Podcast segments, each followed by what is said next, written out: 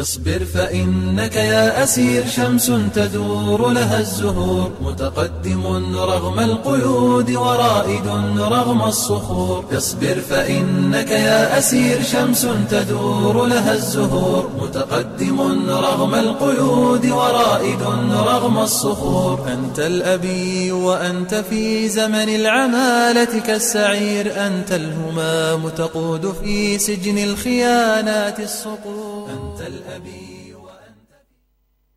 Bismillah, Assalamualaikum warahmatullahi wabarakatuh. Alhamdulillahilladzi binikmati tatimmu sholihat. Allahumma sholli ala Muhammad wa ala ali Muhammad Amma ba'd. Pendengar yang berbahagia di mana pun berada Senang sekali rasanya di kesempatan pagi menjelang siang kali ini ya. Kita kembali berjumpa melalui jalinan udara di 99.3 Fajr FM Suara Kebangkitan Islam Insya Allah saya Maiki selama kurang lebih satu jam ke depan akan menemani Anda ya di gelaran ngopi tentunya Ngobrol parenting Islami dan sudah kami hadirkan ya sebagaimana biasanya narasumber dari STAI Al Hidayah ya spesial hari ini kita undang uh, ada Ustadz Dr. Sujian Suretno STHI MM ya dari Kaprodi Ilmu Perbankan Syariah STAI Al Hidayah Bogor. Namun sebelum Maiki sapa ya beliau narasumber kita yang sudah hadir, Maiki ingin tanyakan kabar Anda terlebih dahulu. Apa kabar pendengar? Mudah-mudahan kabar Anda senantiasa dalam keadaan terbaik ya, sehat walafiat. Demikian juga dengan keluarga Anda. Mudah-mudahan dijadikan keluarga yang sakinah, mawadah, warohmah ya. Anda dikaruniai oleh Allah Subhanahu wa taala anak-anak yang soleh dan soleha. Amin ya. Dan akidahnya akidah yang benar tentunya ya. Baik, pendengar di mana pun berada, kali ini kita dengan sebuah tema di obrolan kali ini ya, yaitu membentuk akidah anak. Insya Allah nanti kita akan uh, berdiskusi ya, berdialog bersama Ustadz Dokter Dokter, mohon maaf ya, Dokter Sujian Suretno. Nah, bagi anda pendengar di mana pun berada yang ingin berdiskusi bersama kami ya, ikut nimrung ya, mengirimkan komentarnya, pertanyaannya ya, Sila, silakan di 0811 11 10 993, 0811 11 10 993 atau ke facebook.com garis miring radio fajri ya. Uh, uh, silakan. Dan di sana juga sedang sedang ada live streaming ya. Bagi anda yang penasaran bagaimana keadaan studio silakan ya saksikan di facebook.com garis miring radio Fajri. Baik Maiki akan sapa narasumber kita yang sudah hadir. Ada Ustaz Dr. Sujian Suretno. Assalamualaikum warahmatullahi wabarakatuh Ustaz. Waalaikumsalam warahmatullahi wabarakatuh. Kang Iki apa kabar? Masya Allah Maiki sendiri sehat Ustaz ya. Kalau Ustaz sehat Ustaz kabarnya Alhamdulillah sehat Kang Iki. Hmm, Alhamdulillah Ustaz keluarga sehat juga di rumah Ustaz anak-anak ya. ya Baik. Sehat. Mm -mm. Kalau STI kabarnya apa masih daring atau seperti apa Ustaz? Iya, untuk di semester genap ini kita masih daring ya, mm. Kang Iki karena memang kemarin ada uh, keputusan dari wali kota gitu ya yeah. bahwa, bahwa untuk wilayah kota ini uh, belum memungkinkan gitu. Mm -hmm. Karena uh, angka Covid masih terus meningkat gitu ya sehingga belum memungkinkan untuk di lakukan uh, pembelajaran secara tatap muka gitu hmm. karena memang untuk menyelamatkan generasi lah gitu iya, seperti iya. itu. Termasuk PSBB sendiri ada rumor diperpanjang katanya tadi. Iya, seperti itu. Kedengarannya seperti itu. Iya. Walau alam ya ke depannya. Betul, betul, betul. Baik. Baik pendengar di mana pun berada silakan Maiki undang sekali lagi bagi anda yang ingin bergabung 0811 11 10 993 ya di 0811 11 10 993 atau ke facebook.com garis miring Radio Fajri. Sebelum kita masuk ke pembahasan nih Ustaz, saya sendiri uh, PMB-nya seperti apa nih Ustaz? Ya, untuk PMB yang akan dilaksanakan pada semester genap ya Kang Iki dan ini sebenarnya di Januari sudah mulai. Hmm. Sejak tanggal 9 ya, ya kemarin hari Sabtu itu uh, kita masih menggunakan aplikasi Google hmm. Meet dan Google Classroom, yeah. gitu ya untuk apa perkuliahan daring yang dilaksanakan. Hmm. Jadi masih sistemnya sama dengan uh, atau metodenya sama dengan yang di semester sebelumnya, yeah, gitu ya. Yeah. Jadi kita masih online. Masih online nah. ya.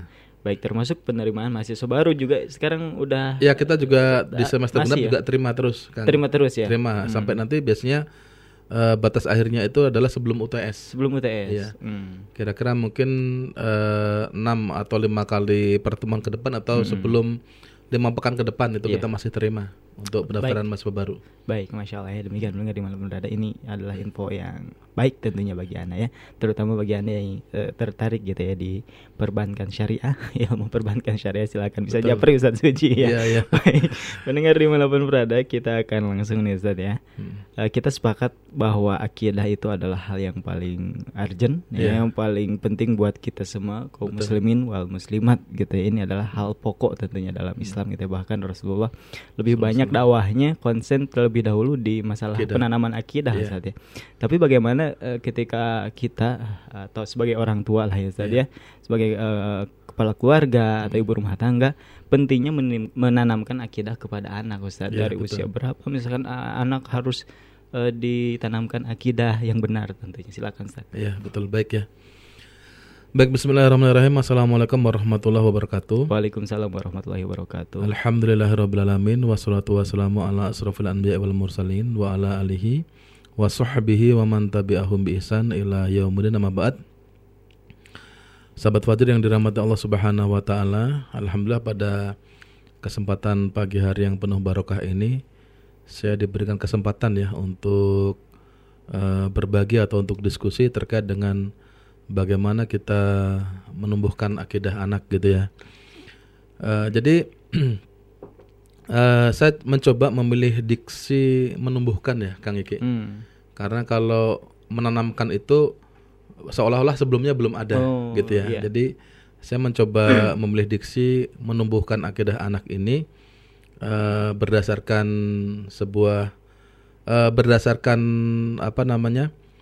Uh, teori yang terkait dengan teori tabula tabula rasa. Jadi dulu gini, ada sebuah teori ternyata ya yang dibangun oleh John Locke ini pada dekade abad ke-17-an. Ya, jadi teori tersebut mengatakan bahwa uh, anak yang lahir itu dia seperti kertas yang kosong. Hmm. Gitu ya. Jadi anak yang lahir itu dia seperti kertas yang kosong yang belum ada coretan-coretannya yeah. gitu ya seperti uh, kertas yang bersih. Dan ini sebenarnya sudah menjadi apa dogma atau menjadi teori yang sangat di, yang sangat dikenal ya hmm. di dunia pendidikan gitu ya. Uh, atau kita sebut dengan teori tabula rasa yang diambil dari bahasa Yunani. Teori tabula rasa atau teori bahwa anak yang lahir itu seperti kertas yang kosong. Memang kalau kita cermati seolah-olah benar gitu. Tapi ternyata sebenarnya tidak seperti itu hmm. ya. Karena ada uh, sebuah hadis ya tentang uh, fitrah itu yeah. uh, Rasulullah SAW bersabda kullu mauludin yuladu alal fitrah ya. Jadi setiap anak yang lahir ini uh, sesuai dengan fitrah atau mereka itu di atas fitrah gitu ya. hmm. ya. Nah, fitrah itu sendiri hubungannya adalah dengan tauhid ya, dengan uh, Islam ya kecenderungannya itu ke sana jadi hubungan fitrah uh, seorang anak ini dia dengan tauhid dengan Islam hmm. gitu ya maka nanti penyimpangannya juga adalah penyimpangan yang bertentangan dengan tauhid itu sendiri yeah. atau yang bertentangan dengan Islam itu sendiri seperti itu yeah.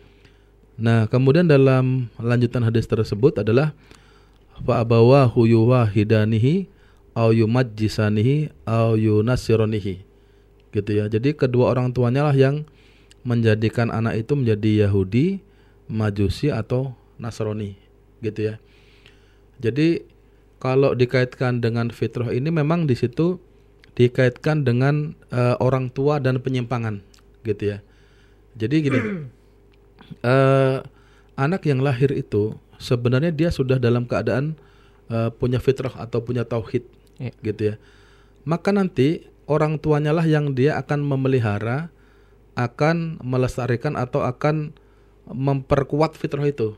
Yeah. Gitu ya dengan pendidikan kan gitu ya. Makanya Allah Subhanahu wa taala berfirman, "Ya ayyuhalladzina amanu ku anfusakum wa ahlikum naro." Wahai orang-orang yang beriman, peliharalah, peliharalah diri kalian dan keluarga kalian dari api neraka. Yeah. Nah, orang tua ini punya kewajiban untuk mentarbiyah anak-anaknya itu agar kecenderungannya itu sesuai dengan fitrah. Hmm. Gitu ya, agar kecenderungan anak-anak ini sesuai dengan fitrah maka perintah ini adalah perintah yang ditujukan kepada kedua orang tuanya gitu ya. Yeah. agar anak-anak anak-anaknya nantinya itu akan dididik sesuai dengan uh, fitrahnya atau sesuai dengan tauhid seperti itu. Nah, jangan sampai kedua orang tuanya ini menjadikan anaknya tersebut menjadi Yahudi atau Majusi atau Nasrani. Yeah. Gitu. Kenapa? Karena uh, itu akan menyimpang dari fitrah gitu ya. Walaupun hmm. tidak secara langsung misalkan seorang anak itu dia beragama Yahudi atau Nasrani atau Majusi tapi jika perbuatannya mencerminkan seperti itu berarti itu sudah ada penyimpangan hmm. gitu ya kalau misalkan sifat orang Yahudi itu kan dia itu mengetahui ilmu tapi dia tidak mengamalkannya misalnya yeah. seperti itu nah sifat-sifat seperti itu adalah sifat-sifat yang menyimpang dari fitrah tadi gitu nah maka orang tuanya lah yang harus bertanggung jawab terhadap pembentukan fitrah itu yeah. gitu ya dan nanti terkait dengan orang tua mentarbiah uh, anak sehingga fitrahnya akan semakin kuat, hmm. akidahnya semakin kuat. Nah, itu kalau kita cermati dalam sebuah doa ya Kang Ike bahwa seorang anak yang soleh itu kan dia berdoa Robbirhamhuma kama robbayani sogiro ya. ya atau Robbik firli wali walidaya warhamhuma kama robbayani sogiro uh, wahai Robku wahai Tuhanku gitu ya uh, berikanlah rahmat kepada kedua orang tuaku sebagaimana mereka telah mentarbiahku sewaktu kecil gitu ya. Kemudian doa yang kedua juga sama, wahai Rabbku ampunilah dosaku dan dosa kedua orang tuaku dan kasih sayangilah mereka sebagaimana mereka telah mentarbiahku di waktu kecil gitu hmm. ya. Nah, di sini artinya adalah uh, usia anak di waktu kecil itu menentukan uh, kekuatan fitrahnya gitu. Jadi ketika anak itu pada usia yang masih kecil sekali ya, mulai dari 0 tahun sampai 2 tahun itu fitrahnya masih bagus-bagusnya. Hmm. Nah, maka kata Sogiro atau orang tua mentarbiah anak di waktu kecil itu, para ulama berbeda pendapat apakah dia itu di bawah 10 tahun atau di bawah 9 tahun. Artinya ya. memang fase-fase itu adalah merupakan fase-fase yang sangat penting atau yang sangat istimewa untuk mendidik anak. Kenapa? Karena pada saat itu usia anak itu betul-betul dalam fitrah yang sangat kuat. Hmm. Maka pentingnya di sini adalah orang tua menyadari bahwa mendidik anak ketika usia dini itu akan memperkuat fitrahnya, gitu ya. Ya maka kan doa tadi kan termasuk doa bersyarat gitu ya. Jadi uh, orang seorang anak mendoakan kedua orang tuanya, kemudian di ujungnya sebagaimana gitu ya. Mereka orang tua saya ini mentarbiah saya di waktu kecil Nah, ini di waktu kecil itu ya tadi antara usia 0 sampai dengan 9 tahun atau sampai dengan 10 tahun itu adalah merupakan usia-usia yang memang uh, sangat penting atau usia-usia emas atau kita sebut dengan golden age di mana orang tua itu harus memaksimalkan ya dalam mendidik anak-anaknya hmm. gitu agar fitrahnya tidak menyimpang nantinya yeah, gitu ya. Yeah. Jadi dikuatkan dipelihara dari yeah. dari ketika masih kecil seperti itu. Yeah. Nah kemudian uh, fitrah ini juga merupakan keadaan yang terbaik ya, uh, Kang Iki ya, merupakan keadaan yang terbaik. Jadi fitrah juga bukan gorizah, bukan insting, atau bukan tabiat, atau bukan bawaan, bukan. Gitu ya. Tapi fitrah itu adalah uh, keadaan di mana seseorang itu dia bertauhid dan kecenderungannya pada uh, Islam ya, hmm. ya, seperti itu. Yeah. Oke, okay.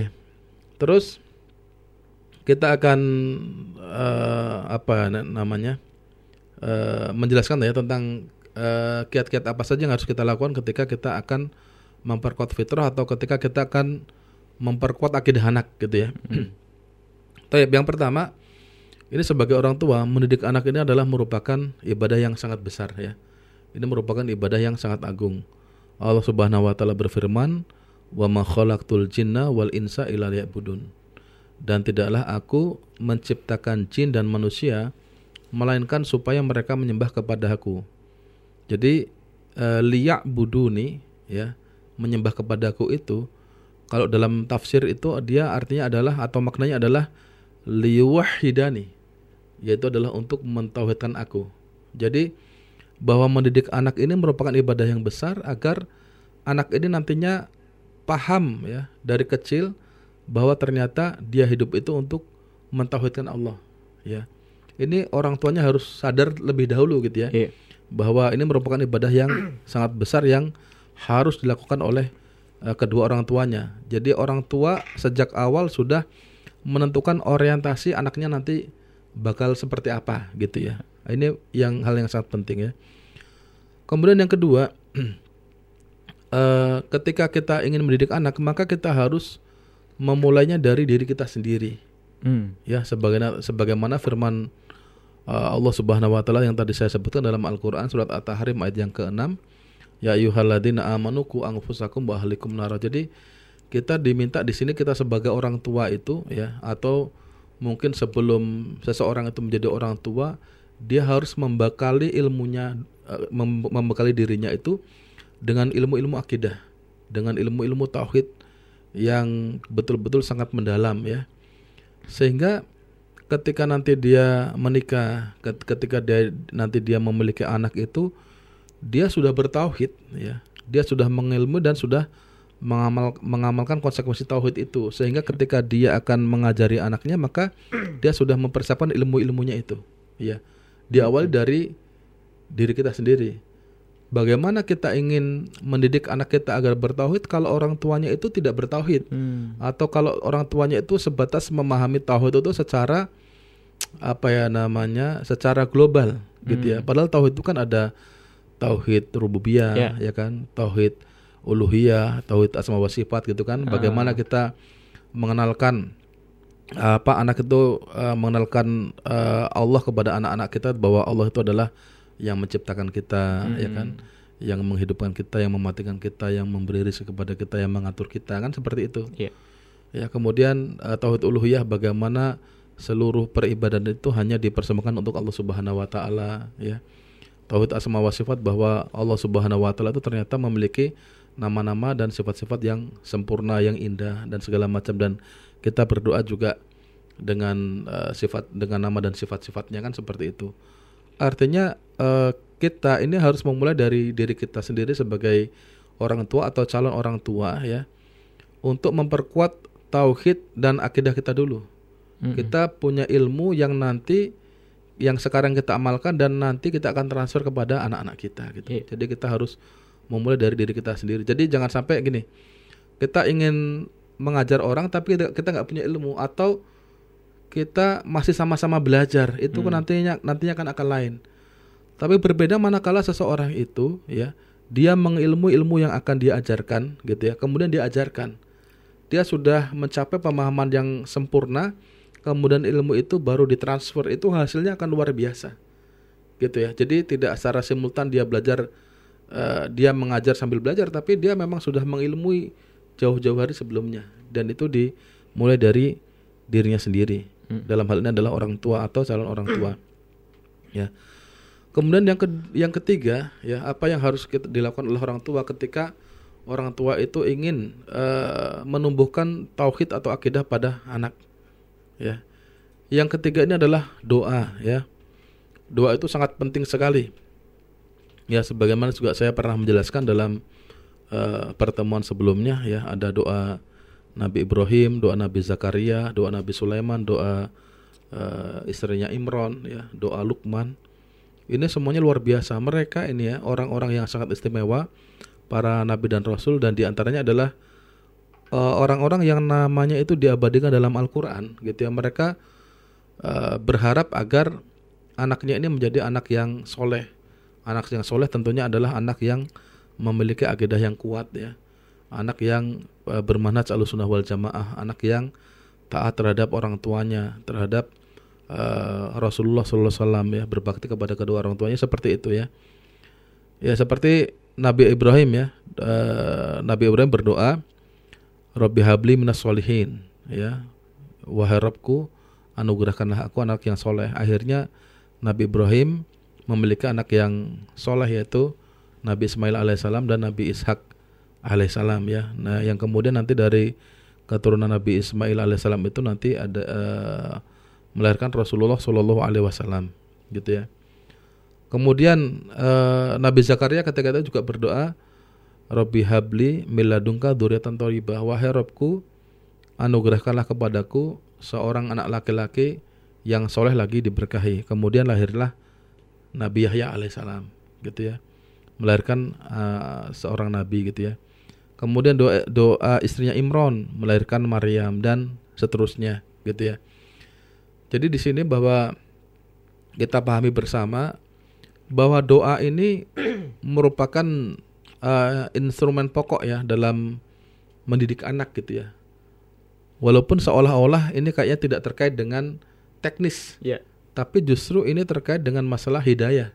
Hmm. Bagaimana orang tua itu memohonkan hidayah kepada uh, anak-anaknya ya agar anak-anaknya itu uh, fitrahnya semakin kuat ya, akidahnya semakin kuat dan akan terhindar dari penyimpangan-penyimpangan fitrah itu sendiri gitu ya.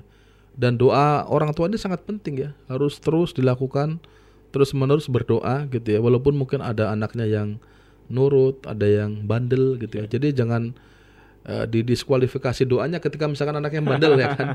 Anaknya suka-suka yeah. udah nggak usah saya doakan, salah. Justru uh, semua anak-anak itu harus didoakan hmm. gitu ya. Hmm. Kalau tingkat kesulitan itu biasalah hmm. dalam apa ya namanya dalam mendidik anak mungkin nanti metode-metode pengajarannya yang harus disesuaikan gitu. Yeah.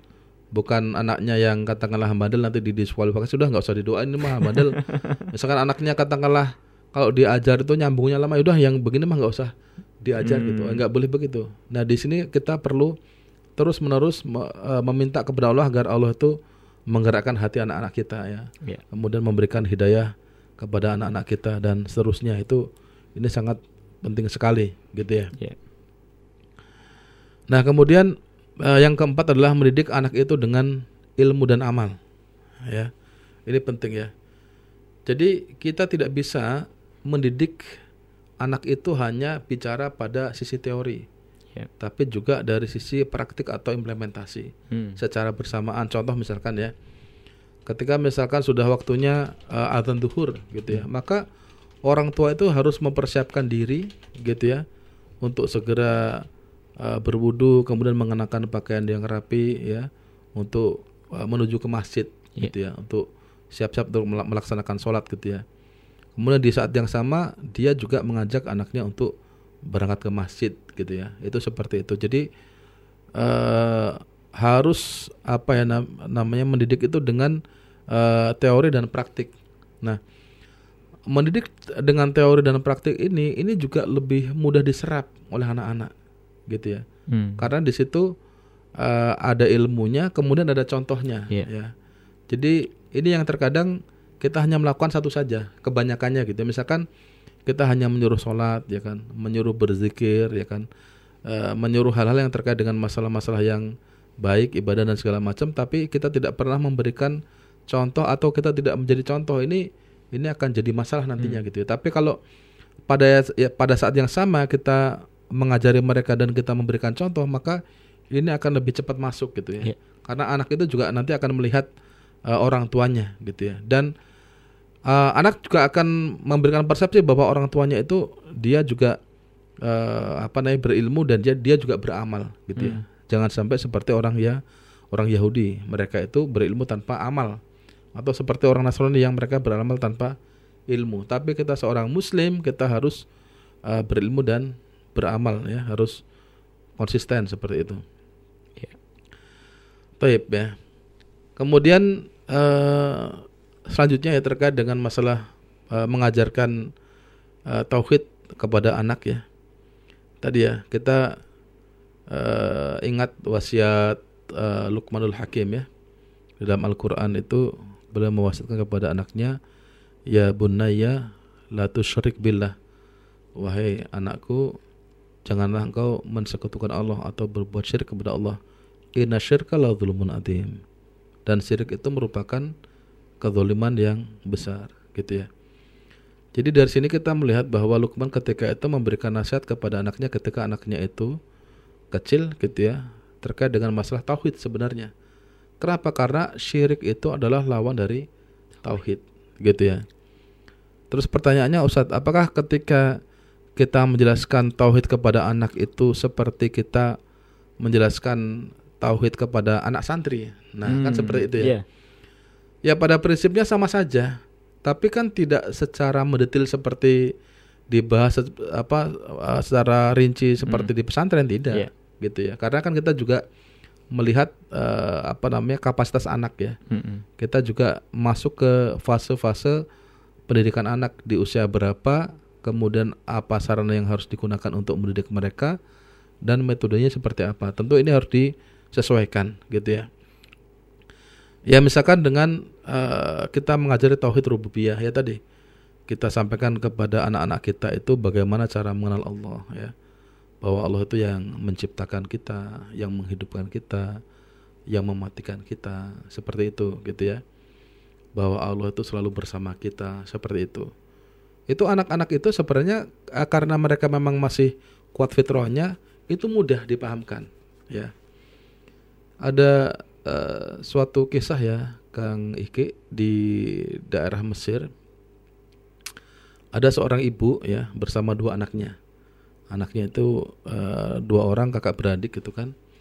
Kemudian suaminya ini sedang dinas ya sedang bekerja. Kemudian ibu ini harus ke toko ya atau mungkin ke supermarket untuk membeli bahan-bahan pokok makanan untuk dimasak di rumah gitu kan nah ketika ibu ini mau berangkat ke toko tersebut dia berpikir waduh kalau saya mengajak anak saya kayaknya agak repot. Ya sudah, anak saya ini eh, saya taruh di rumah aja gitu ya. Tapi saya juga perlu menjamin keamanannya gitu. Maka yang dilakukan oleh ibu itu dia mengunci mengunci pintu rumahnya, hmm. gitu ya. Dikunci pintu rumahnya agar anak-anak itu tidak keluar agar yeah. aman gitu ya. Nah akhirnya si ibu ini berangkat ya ke suatu toko. Sampai di toko itu ternyata langsung mati lampu. Gitu ya mati lampu. Otomatis kalau di toko tersebut mati lampu di rumahnya juga mati lampu. Hmm. maka dia kan gelisah galau luar biasa. Oh ini yeah. bagaimana anak saya? Gitu hmm. ya. Kalau mati lampu gelap segala macam kan pasti nanti anak-anak nangis apa segala macam kan gitu ya.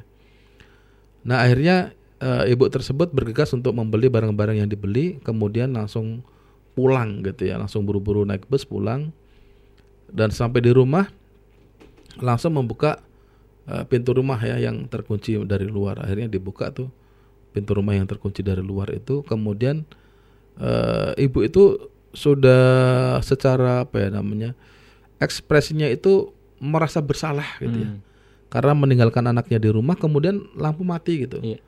betapa anaknya itu nanti akan nangis akan sedih gitu ya dan akan ketakutan gitu ya hmm. yang namanya anak kecil kan pasti ketakutan yeah. di dalam rumah uh, dengan kondisi mati lampu kan gitu Nah ketika pulang ke rumah buka pintu assalamualaikum kemudian masuk ke dalam rumah kemudian dia langsung bilang e, nah e, ibu minta maaf begini begini begini begini gitu ternyata anaknya itu tidak ada satupun yang menangis gitu ya hmm. tapi anaknya itu sangat biasa sangat biasa ya cool fresh biasa aja yeah. gitu gitu mati tadi mati lampu gini gini oh iya nggak apa-apa kan kita kan ada Allah bu. Masya kan gitu ya. Nah itu. Kan Allah bersama kita bu. Kan ibu selalu bilang gitu. Abi hmm. selalu bilang bahwa Allah bersama kita. Hmm. jadi kita nggak perlu apa namanya takut. Yeah. dan kita juga tidak perlu bersedih hati. Hmm. nah itu. Itu yang uh, bisa kita tanamkan ya. Kita kita bisa tanamkan kepada anak-anak kita gitu ya. Bahwa uh, mereka itu harus mengenal Allah yeah. ya mereka, mereka itu semakin mencintai Allah gitu ya. Gitu ya. Atau mungkin uh, contoh yang lainnya gitu ya. Misalkan ya ketika kita mendidik anak gitu kan uh, anak itu disuruh misalkan menggambar dengan uh, apa namanya spidol atau dengan uh, pensil warna gitu yang berwarna-warni. Hmm. ada yang berwarna hijau ada yang merah ada yang ungu ada yang biru dan segala macam nah setelah itu misalkan orang tuanya atau ibunya atau ayahnya meminta anaknya untuk menutup mata. Yeah. gitu. Eh, ditutup matanya eh, diminta untuk menutup mata terus kemudian nanti ditanya nak tadi warnanya warna apa saja? Gitu. Oh tadi ada warna hijau ayah ada warna biru warna merah warna ungu dan segala macamnya gitu ya. Nah sekarang kalau matanya ditutup kelihatan nggak warna-warna tersebut hmm. ya kan?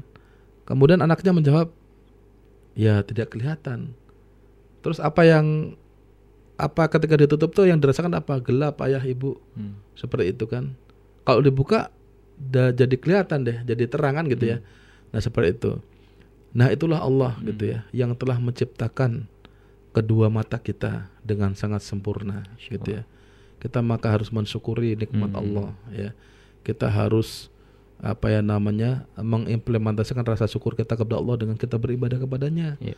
dan seterusnya gitu ya. Artinya anak-anak itu mudah dipahamkan yeah. gitu ya. Mudah diberikan pemahaman agar mereka mengenal Allah agar mereka mencintai Allah gitu ya. Kemudian uh, apa namanya tentang ibadah gitu ya. Kita harus beribadah tentang tauhid uluhiyah gitu. Anak anak-anak kita harus apa namanya sholat ya kan kita harus beribadah kepada Allah. Karena ibadah hidup dan mati kita itu hanya untuk Allah. Itu mereka juga akan apa ya namanya lama-lama mereka akan uh, paham. Dan kita juga uh, motivasi dengan keutamaan-keutamaan dalam ibadah itu sendiri gitu ya. Ketika sholat kita akan diberikan pahala begini dan seterusnya gitu ya. Kita iming-iming anak-anak kita dengan surga dengan janji-janji Allah itu mereka akan sangat luar biasa. Ya mereka akan mengenal Allah. Kemudian kita berdoa dengan sifat-sifat Allah dan seterusnya gitu ya. Nah, taib. kemudian uh, seterusnya adalah uh, perintah sholat ya. Perintah sholat ya. Uh, ketika anak tujuh tahun itu diperintahkan uh, untuk sholat, gitu ya. Nah, maka di usia sebelum tujuh tahun itu anak-anak itu sudah diajari oleh orang tuanya sholat untuk melaksanakan sholat, gitu ya. Nah ini perintah-perintah yang sifatnya pokok ya, tetapi hal-hal yang uh, apa namanya setara ini menjadi menjadi uh, otomatis menjadi kewajiban secara langsung. Contohnya begini, ketika pertama tadi ya uh, Allah berfirman uh, tentang wasiat Luqman bahwa tidak boleh berbuat syirik itu artinya secara otomatis juga itu ada konsekuensi mengajarkan tauhid ya hmm. itu seperti itu ketika anak itu diperintahkan untuk sholat maka secara otomatis juga diperintahkan untuk melaksanakan rukun Islam yang lainnya. Ya uh, apakah puasa zakat dan seterusnya. Kan seperti itu. Ya. nah maka di sini orang tua itu harus mengajari anak-anak sebelum usia itu. Sehingga pada saat usia tujuh tahun itu ketika anak-anak diajak ke masjid atau disuruh sholat itu mereka sudah tahu bagaimana cara bersuci yang benar hmm.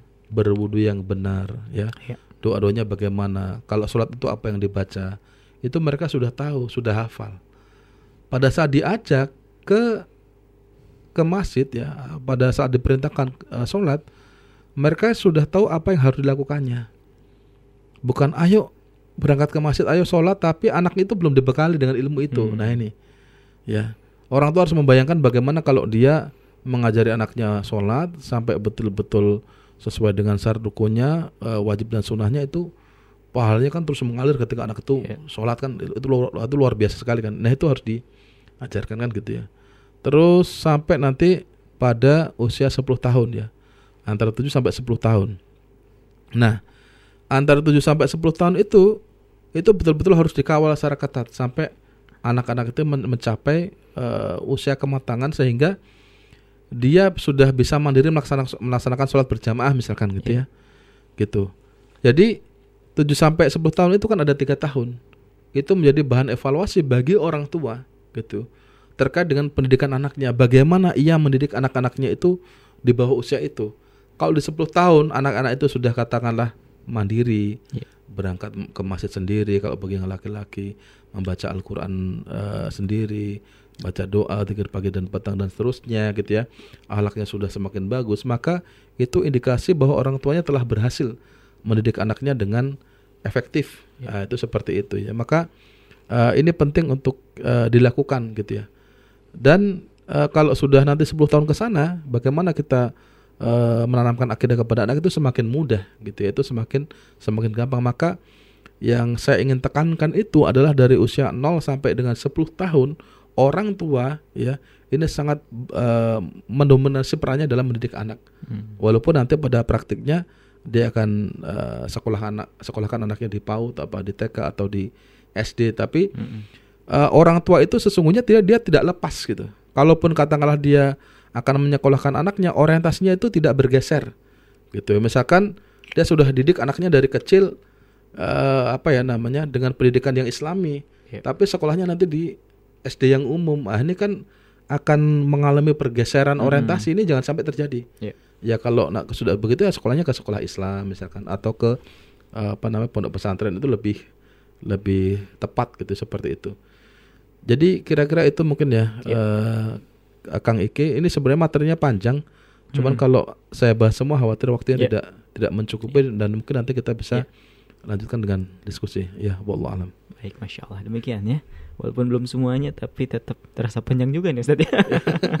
Luar biasa karena ya seperti itulah ya. Yeah. Uh, dan tadi kita jadi tahu ya bahwa anak-anak yang baru lahir, mungkin kita semua dulu Ustaz ya, uh, basically gitu ya, pada hmm. dasarnya memiliki fitrah, fitrah akidah tersebut ya, Betul. tauhid tersebut ya, bukan berarti anak baru lahir suci itu polos Kosong. kayak kertas bukan seperti itu juga saya pengertiannya ya. Hmm. Jadi peran orang tua adalah untuk tetap meluruskan atau yeah. bahasa Ustaz tadi lebih senang mengatakannya dengan menumbuhkan, menumbuhkan karena ya. memang sudah ada yeah. ya. Baik, tinggal peran orang tua. Mau dibawa ke mana ya istilahnya betul, betul, ya, betul, ya. anak kita. Baik dengar di di mana pun berada ya kali ini juga insya Allah akan ada door prize nih Ustadz buat penanya ya. Okay. atau bagi anda yang, yang ikut nimbrung gitu ya komentar dan sebagainya silakan kirimkan ke 0811 11 10 993 0811 11 10 993 dan mungkin uh, Maiki akan umumkan ya uh, kuis atau pemenang kuis Ustadz ya. Kan hmm. kan di Radio Fajri ada kuis nih. Hmm hmm, pengetahuan agama Islam, hmm. kuis pengetahuan agama Islam. Nah, langsung diumumkan saja ya, ada Kang Haris juga di meja operator siapa saja nih pemenang kuis. Oh jeda dulu katanya, biar penasaran mungkin ya pendengarnya. Baik pendengar, da, tapi masih ada kesempatan bagi anda yang bertanya dan uh, bagi anda yang bertanya di kesempatan pagi hari ini juga berpeluang untuk mendapatkan door prize atau hadiah ya silakan dengan sebuah tema menumbuhkan akidah kepada anak gitu ya menumbuhkan akidah anak. Silakan kirimkan ke 0811 1110 993 atau ke facebook.com garis miring radio Fajri nanti bagi penanya terbaik ya komentator terbaik akan mendapatkan door prize. Kalau anda menyaksikannya melalui live streaming di Facebook sudah ada berjejer nih apa saja hadiahnya gitu ya yang sekiranya akan diberikan kepada anda. Baik tidak dipindah frekuensi karena setelah yang berikut ini kami akan segera kembali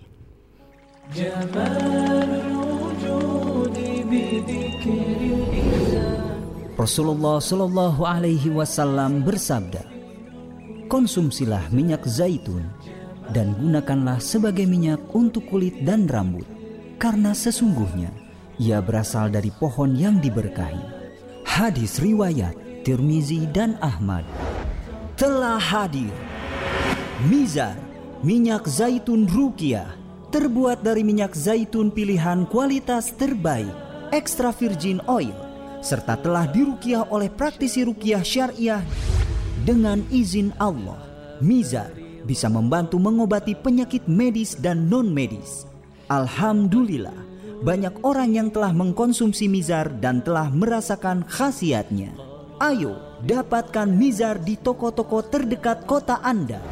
Atau Anda juga bisa menghubungi kami di telepon atau WA 0812 1970 5220 0812 1970 5220 atau kunjungi website kami di www.minyakzaitunrukiah.com Tunggu apa lagi? Segera dapatkan Mizar dan sekarang giliran Anda merasakan khasiatnya. Mizar, solusi sehat Islami.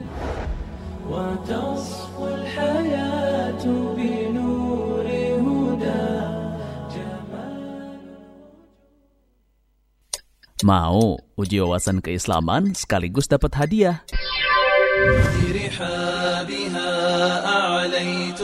Ayo, simak dan ikuti kuis pengetahuan agama Islam berhadiah. Senang sekali saya dapat menyapa Anda dalam acara kuis pengetahuan agama Islam. Berikut ini adalah nama-nama Ummahatul Mukminin atau istri Rasulullah Shallallahu alaihi wasallam kecuali A. Aisyah binti Abu Bakar radhiyallahu anhuma. Pemenang yang beruntung insya Allah mendapatkan bingkisan hadiah menarik dari Radio Fajri. Setiap hari jam 9 pagi dan jam 8 malam. Jangan lewatkan acaranya. Simak pertanyaannya dan kirimkan jawabannya. Bingkisan menarik nanti Anda bagi yang menjawab dengan benar dan terpilih sebagai pemenang. Pemenang yang terpilih akan diumumkan pada hari Ahad jam 10 pagi, jam 2 siang, dan jam 5 sore waktu Indonesia Barat. Kuis pengetahuan agama Islam. Mudah, berhadiah, insya Allah berkah.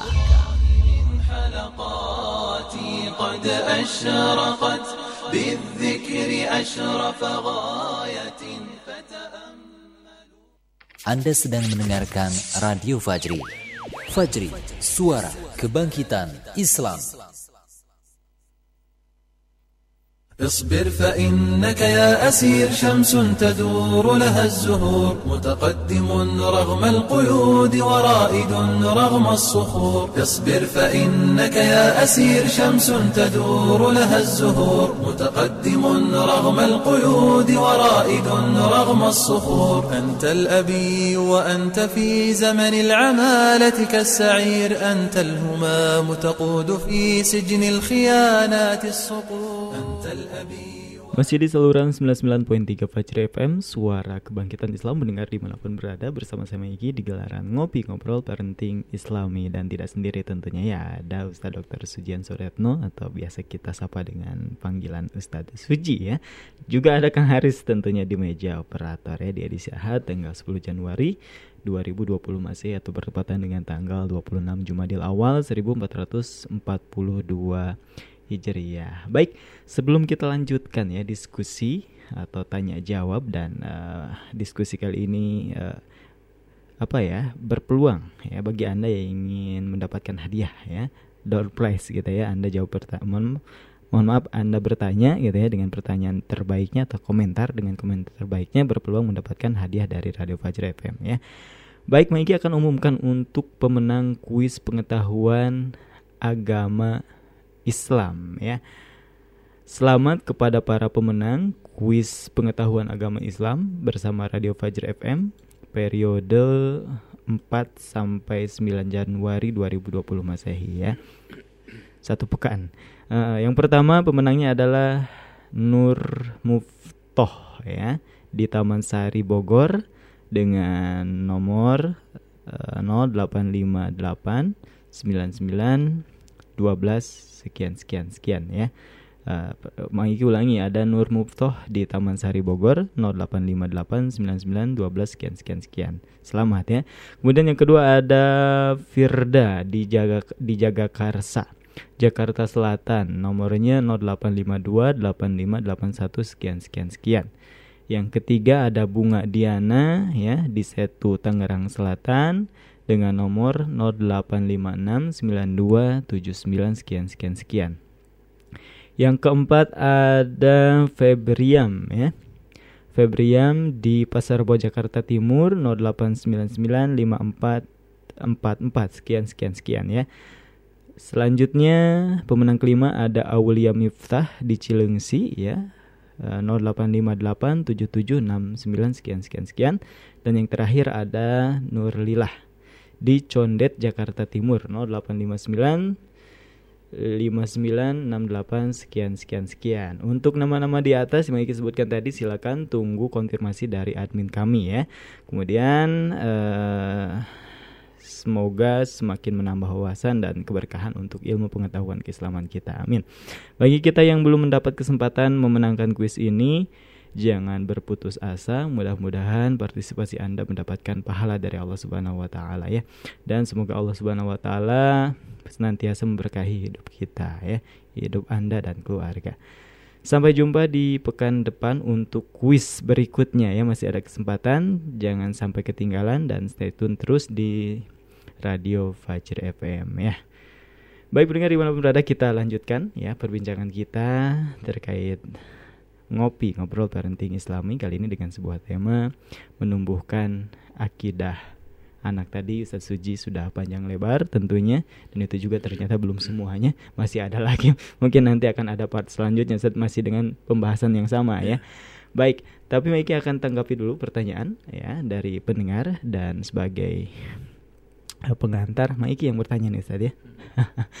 Ini tanggapan Ustaz saja Ustaz terkait uh, pengaruh ya dari tontonan yang bisa menjadi tuntunan juga ada bacaan Ustadz dan lain sebagainya. Seperti mungkin bacaan kalau di koran anak-anak sih memang jarang baca koran. Kalau dulu begitu ya, hmm. atau di majalah lah ya ada horoskop Ustaz. Itu kan yang bisa memalingkan uh, akidah anak dari yang semestinya, dari yang fitrahnya tadi ya. Percaya percaya terhadap ya seperti itulah ya. Kemudian film-film juga kartun. Bahkan ada game yang katanya di situ ada patung dewanya dan lain yeah. sebagainya. Ini Ustaz uh, peran orang tua mesti berbuat seperti apa nih Ustaz? Ya, terkait baik. tontonan. Baik. Ya memang uh, saat ini sulit sekali ya dihindari dari uh, gadget gitu ya mm -hmm. aktivitas anak-anak itu. Karena mereka biasanya megang gadget atau megang smartphone dan lain sebagainya kan gitu. Nah perlu yang perlu disikapi oleh orang tua itu adalah uh, bagaimana uh, orang tua itu bisa mengklasifikasikan gitu ya uh, usia anak-anak itu. Yeah. Misalkan kapan anak-anak itu dia boleh pegang handphone atau hmm. mungkin dibeliin handphone yeah. gitu ya. Itu orang tua sendiri bisa mengukurnya kan gitu yeah. ya. Tapi kalau misalkan bagaimana kalau menonton dan segala macam kan gitu ya. Nah, di internet juga banyak tontonan-tontonan yang sebenarnya dia itu tontonan-tontonan yang islami gitu ya. hmm. uh, terkait dengan kisah Nabi dan segala macam kisah para sahabat ya kisah-kisah perjuangan Islam itu bisa di-download gitu ya. Kemudian nanti bisa ditonton di TV tapi pakai USB misalkan seperti hmm. itu. Jadi sudah kita pilih-pilihkan yeah. gitu ya.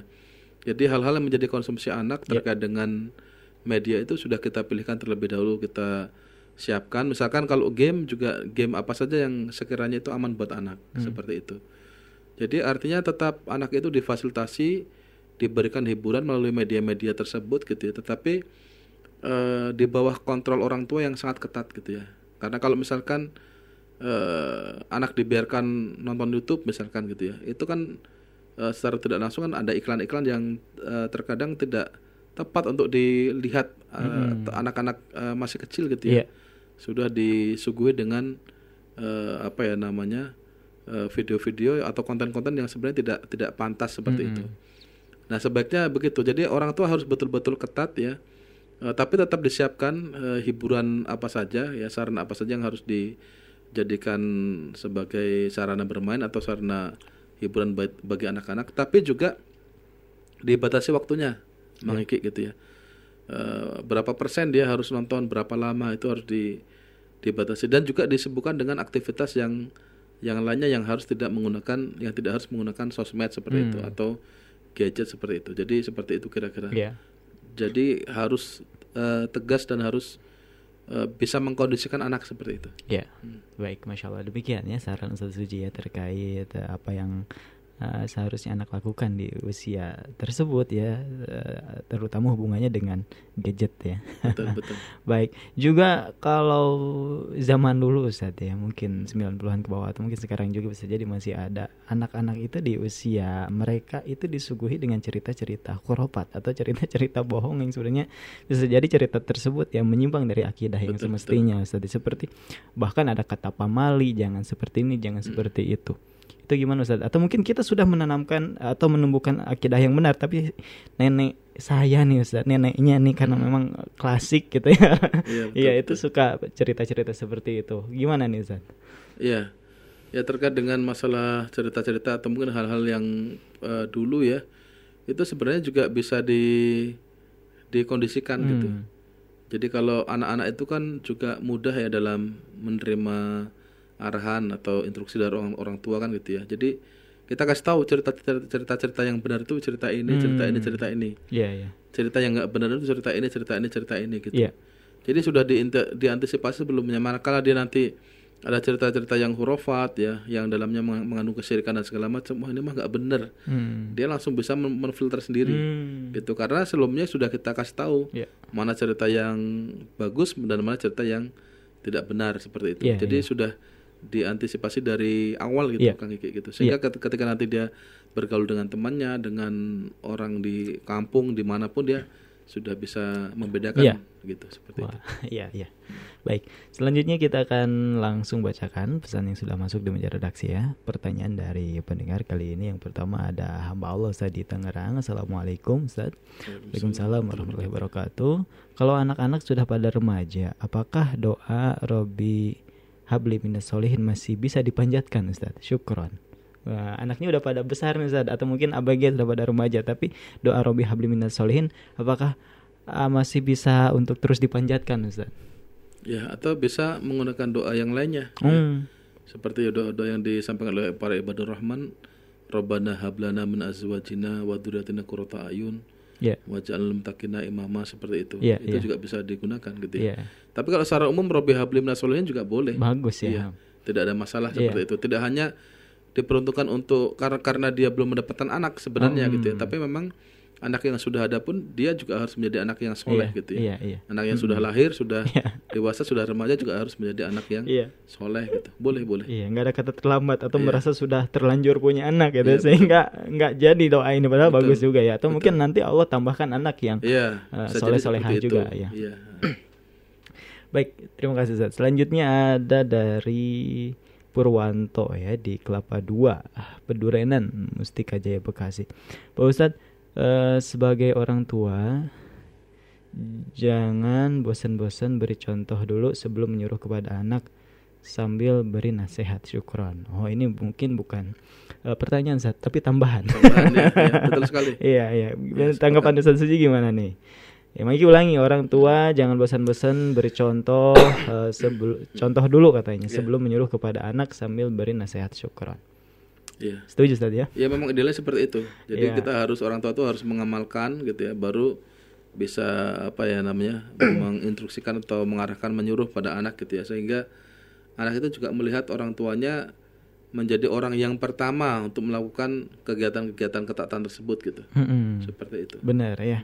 Seperti kita mungkin menyuruh sholat kita juga harus sholat tentunya sholat, ya. betul, betul. Nyuruh berjamaah ya, ajak sama kita berjamaah. betul. Tapi susah kalau misalkan untuk orang tua pelaku eh, merokok, jangan merokok. Itu susah tadi ya. Iya. Walaupun merokok sebenarnya jauh hubungannya dengan tauhid ya atau akidah, tapi memang ini masalah ketaatan juga Ustaz ya. Kalau dalam Islam minimal juga makruh gitu ya, tapi Iya, betul. yang banyak haram katanya. Baik, selanjutnya pendengar di mana pun berada masih ada pertanyaan nih kali ini dari siapa ya? Dari hamba Allah, Ustadz saya mau tanya, anak saya sekitar umur satu tahun lebih. Karena sudah berpisah, sekarang dirawat oleh ibunya. Tapi ibunya fasik Ustadz dan menyimpang. Apa yang harus saya lakukan? Kami menikah siri. Apa saya harus ambil anak saya sedangkan anak masih kecil? Terima kasih Ustadz. Wah ini Iya. Ustadz. Ya, itu mungkin perlu diperinci ya. Kecilnya itu dia usia berapa tahun apakah eh, masih usia menyusui dan segala macam gitu ya. Kalau masih menyusui ya biarkan saja sama orang tuanya atau sama ibunya gitu ya. Nanti kan tinggal diberikan pengertian. Ya. Ya, ada kerjasama gitu ya. Kalau kalau katakanlah orang tuanya fasik atau ibunya fasik ya, mungkin didakwahkan oleh eh, mantan suaminya ini kan gitu ya. Hmm. Tapi kalau misalkan usianya sudah eh, di atas itu tiga tahun ke sana, kemudian bisa di bermusyawarah, kemudian bisa diasuh oleh bapaknya yang sudah lebih mengenal Islam itu lebih berhak karena memang tadi eh, orang tua itu kan ingin mengarahkan agar anaknya menjadi anak yang soleh yang benar kan gitu ya. Dan tentunya itu harus dididik oleh orang tua yang benar itu. Mm-mm. Kalau didiskusikan dengan baik-baik, insya Allah pasti ibunya pun menerima gitu. Iya iya. Dan itu lebih menyelamatkan bagi anaknya. Mm-mm, mm-mm, Benar, masya Allah. Demikian ya pendengar di mana pun berada. Baik selanjutnya karena waktu kita juga tidak banyak pendengar di mana pun berada, mungkin Maiki bacakan satu pertanyaan terakhir dari satu pendengar. Nah, walaupun ini satu pesan isinya beberapa pertanyaan Ustadz ya. Ya baik. Heeh. Ini Ustadz katanya buat seorang anak eh, mengenal Allah Subhanahu Wa Taala itu sesuatu yang abstrak. Karena logika berpikir seorang anak itu konkret. Maka yang ingin saya tanyakan adalah pertama bagaimana teknik dan metodologi dalam memperkenalkan Allah Subhanahu Wa Taala kepada seorang anak. Apalagi ketika seorang anak itu bertanya, "Bunda, Allah itu seperti apa? Bunda, Allah itu ada di mana? Bunda, mengapa Allah tidak menjaga aku ketika aku terjatuh?" Katanya. Katanya Allah Maha Pelindung. Kedua, hal-hal apa saja yang harus dilakukan oleh orang tua untuk membentuk akidah anak. Yang ketiga, bagaimana agar seorang anak tetap terbingkai pada Allah oriented. Uh, sebelum dan sesudahnya saya mengucapkan jazakumullahu khairan, jazakumullahu khairan. Uh, mungkin lagi ulangi lagi Ustaz ya pertanyaan satu hmm. persatu ya dibacakannya ya. Yang pertama bagaimana teknik dan metodologi dalam memperkenalkan Allah Subhanahu wa taala kepada seorang anak? Ya. Untuk pertanyaan yang pertama tadi kan sudah saya jelaskan. Jadi eh, anak-anak uh, itu ya, terutama yang usianya masih di bawah tamis itu, mereka kan fitrahnya masih kuat gitu ya. Hmm. Ketika dipahamkan tauhid, bagaimana mengenal Allah, bagaimana mencintai Allah, itu mereka lebih mudah gitu ya. Hmm ya tadi contohnya misalkan ya kita cerita kita sampaikan saja bahwa alam semesta ya kan kemudian ada langit ada bumi ini yang menciptakan Allah adalah Allah Subhanahu hmm. wa taala gitu. Yeah. Kalau katakanlah kita sampaikan seperti itu anak-anak pun dia paham. Hmm. Ya walaupun nanti akan timbul pertanyaan timbul pertanyaan gitu. Yeah. Nah, ketika timbul pertanyaan uh, Allah bentuknya seperti apa, bagaimana itu kan juga sudah kita bisa jawab dengan yeah. uh, apa namanya dengan nama dan sifat-sifat Allah. Hmm. Kita sampaikan saja dan mereka akan mengerti intinya adalah bahwa setiap pertanyaan anak itu kita bisa memberikan jawaban gitu ya yang ya. sesuai dengan dalil-dalil yang syar'i. Nah, jawaban yang jawaban dari dalil-dalil yang syar'i itu insya Allah tidak akan bertentangan dengan akal atau dengan fitrah hmm. manusia. Ya, ya. Mereka akan langsung uh, memahami gitu ya. Kalau misalkan katanya Allah melindungi, kemudian tapi saya jatuh didiamkan gitu hmm. kan Nah ini kan karena anak itu belum paham bahwa itu musibah misalkan mm -hmm. gitu ya, atau ini ujian. Yeah. Nah iya. nanti orang tua tinggal memahamkannya saja. Yeah. Berarti kita diminta untuk berhati-hati yeah. dan seperti itu kan gitu ya. Jadi yeah. banyak hal gitu ya. Yeah. Hmm. Baik, kalau Iki boleh menanggapi nih Ustadz ya. Yeah. Ini juga dari pernyataan logika seorang anak itu berpikirnya eh, lebih logis atau konkret juga. Ini dari mana gitu ya? Yeah. So menurut Pak Iki uh, anak juga dulu pada kekuatan-kekuatan yang ada di Power Rangers ya keajaiban keajaiban yeah. atau imajinasinya itu lebih hidup gitu yeah, ya betul, betul. itu kan uh, abstrak juga soalnya itu juga masalah ya seperti itulah ya yeah.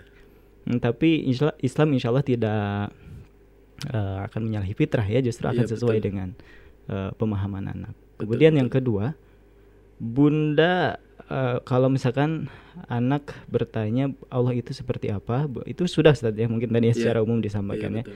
Kemudian hal-hal apa saja yang harus dilakukan oleh orang tua untuk membentuk akidah anak juga yeah. sudah belum saja sudah sudah, sudah ya secara umum nah. tadi ketiga bagaimana agar seorang anak tetap terbingkai pada Allah oriented oh ini mungkin agar yeah. Ya, ya, tujuan hidupnya itu ya ridho Allah oriented gitu saja yeah. tujuannya Allah lah ya gitu yeah, ya artinya kalau kita Eh, membengkak anak agar dia Allah oriented itu orang tua memang dari awal gitu ya harus mengarahkan ke sana. Seperti tadi yang saya sampaikan bahwa uh, hidup ini adalah untuk beribadah kepada Allah hmm. kan gitu ya. Kita harus mentauhidkan Allah yeah. bahwa semua yang kita lakukan ini karena Allah kan yeah. gitu ya. Itu kita kita bisa sampaikan, kita bisa ajarkan gitu yeah. ya. Dan dan kita ajarkan anak-anak itu pada hal-hal yang sifatnya fundamental. Mm. Ya seperti misalkan dasar-dasar akidah apa rukun iman. Mm -mm. Rukun iman kita sampaikan rukun iman satu dua tiga. Yeah. Kemudian dasar-dasar ibadah apa rukun Islam. Yeah, yeah. Kita sampaikan satu persatu. Yeah. Mulai dari sadar dan seterusnya gitu. Yeah. Nanti insya Allah mereka akan paham dan secara automatically mereka akan terbingkai dalam uh, apa ya namanya tauhid seperti itu. Ya. Baik ya. Demikian mendengar di mana pun berada itu adalah penanya terakhir di kesempatan pagi hari ini.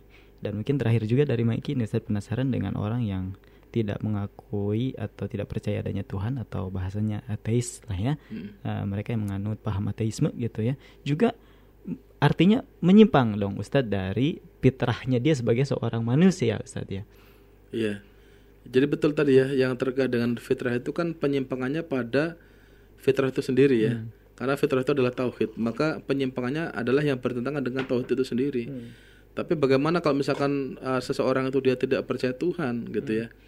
Mungkin pada saat usia-usia awal itu ya kan ya tadi karena kan nanti yang terkait dengan siapa yang menjadi penyebab utama penyimpangannya kan orang tuanya. Hmm. Gitu ya. Memang berarti dari orang tuanya lah yang sudah membelokkan fitrah anak itu. Yeah, yeah.